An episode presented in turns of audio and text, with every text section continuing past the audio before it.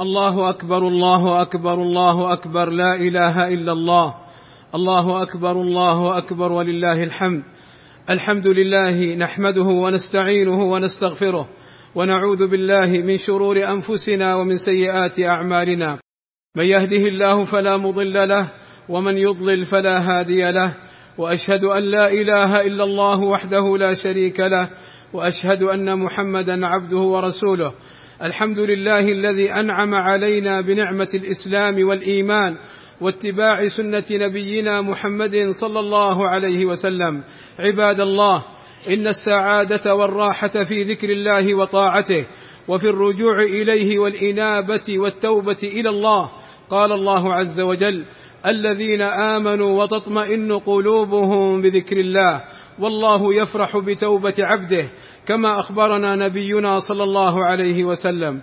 أيها المسلمون إن التطور والحضارة لا تتنافى مع الإسلام بل الإسلام يحث المسلم على العمل لكن بشرط أن لا يكون في أمر حرمه الله ورسوله ولا يؤدي إلى ترك أمر أوجبه الله ورسوله.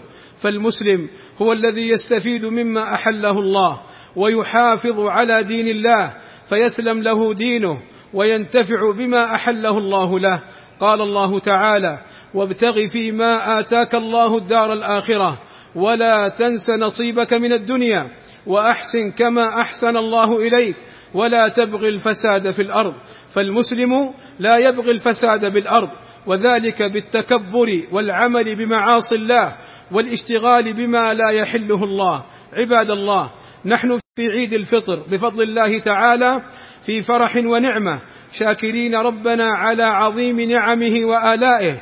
وقد أنعم الله علينا برفع الوباء كورونا فالحمد لله على ما أنعم. ثم الشكر لولاة أمرنا على ما بذلوه من جهد كبير للحفاظ على أرواحنا. والله والله يرحم من مات في هذا الوباء. ويتقبله في الشهداء والصالحين ويرحم المسلمين والمسلمات والمؤمنين والمؤمنات الأحياء منهم والأموات. عباد الله من السنن في هذا اليوم أن ترجعوا من طريق آخر غير الذي جئتم منه.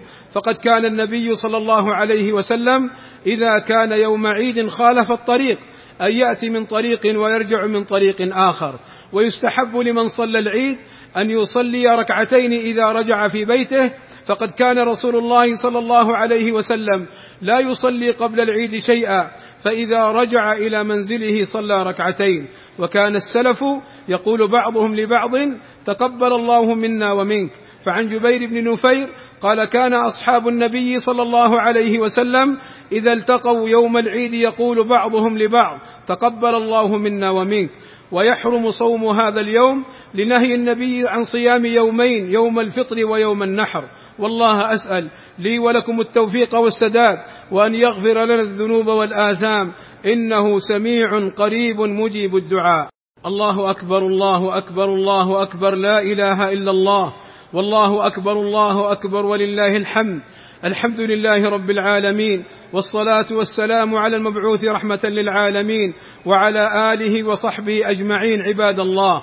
أظهروا حسن الخلق في تعاملكم مع الناس ولا تؤذوهم بقول أو فعل. فالإسلام يحث على حسن الخلق. وجعل فيه من الأجر الشيء الكثير.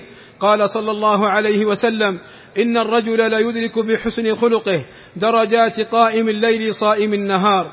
أيها المسلم إن طاعة الله والأعمال الصالحة وعدم معصية الله لا تتعلق بشهر رمضان بل إن الله الذي تعبده في رمضان هو رب باقي الشهور.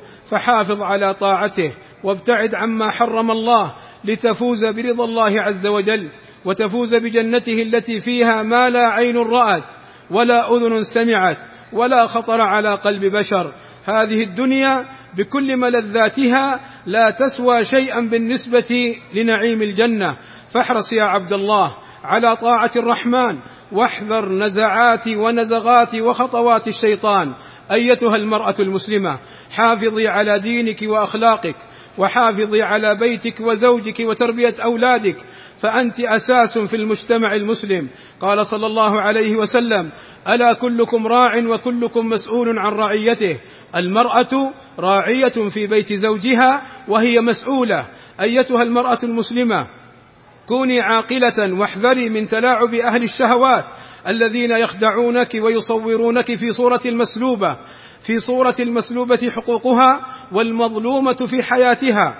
هم يريدون منك أن تكوني سلعة رخيصة لكل ذي شهوة ولكل ساقط ولاقط. هم يريدون منك أن تهدمي أساس المجتمع المسلم لأنك أساسه. فأنت مهمة أيتها المرأة ولك حقوق الإسلام حافظ عليها واهتم بها وأوصى عليها. يا أمة الله لا تعترضي على أمر الله ولا تتكبري عن طاعة الله ولا تظلمي نفسك بمخالفة أمر الله. اللهم اغفر للمسلمين والمسلمات والمؤمنين والمؤمنات الأحياء منهم والأموات. اللهم آتنا في الدنيا حسنة وفي الآخرة حسنة وقنا عذاب النار. اللهم وفق ولي أمرنا وولي عهده لما تحبه وترضاه. اللهم واصلح بهما العباد والبلاد. واحفظهم اللهم من كل سوء. اللهم انصر إخواننا المجاهدين في الحد الجنوبي على عدوك وعدوهم الحوثيين. اللهم ودمر كل من أراد بهذه البلاد سوءا. واحفظنا واحفظ جميع المسلمين في كل مكان. وصلى الله وسلم على نبينا محمد وعلى آله وصحبه أجمعين. والحمد لله رب العالمين.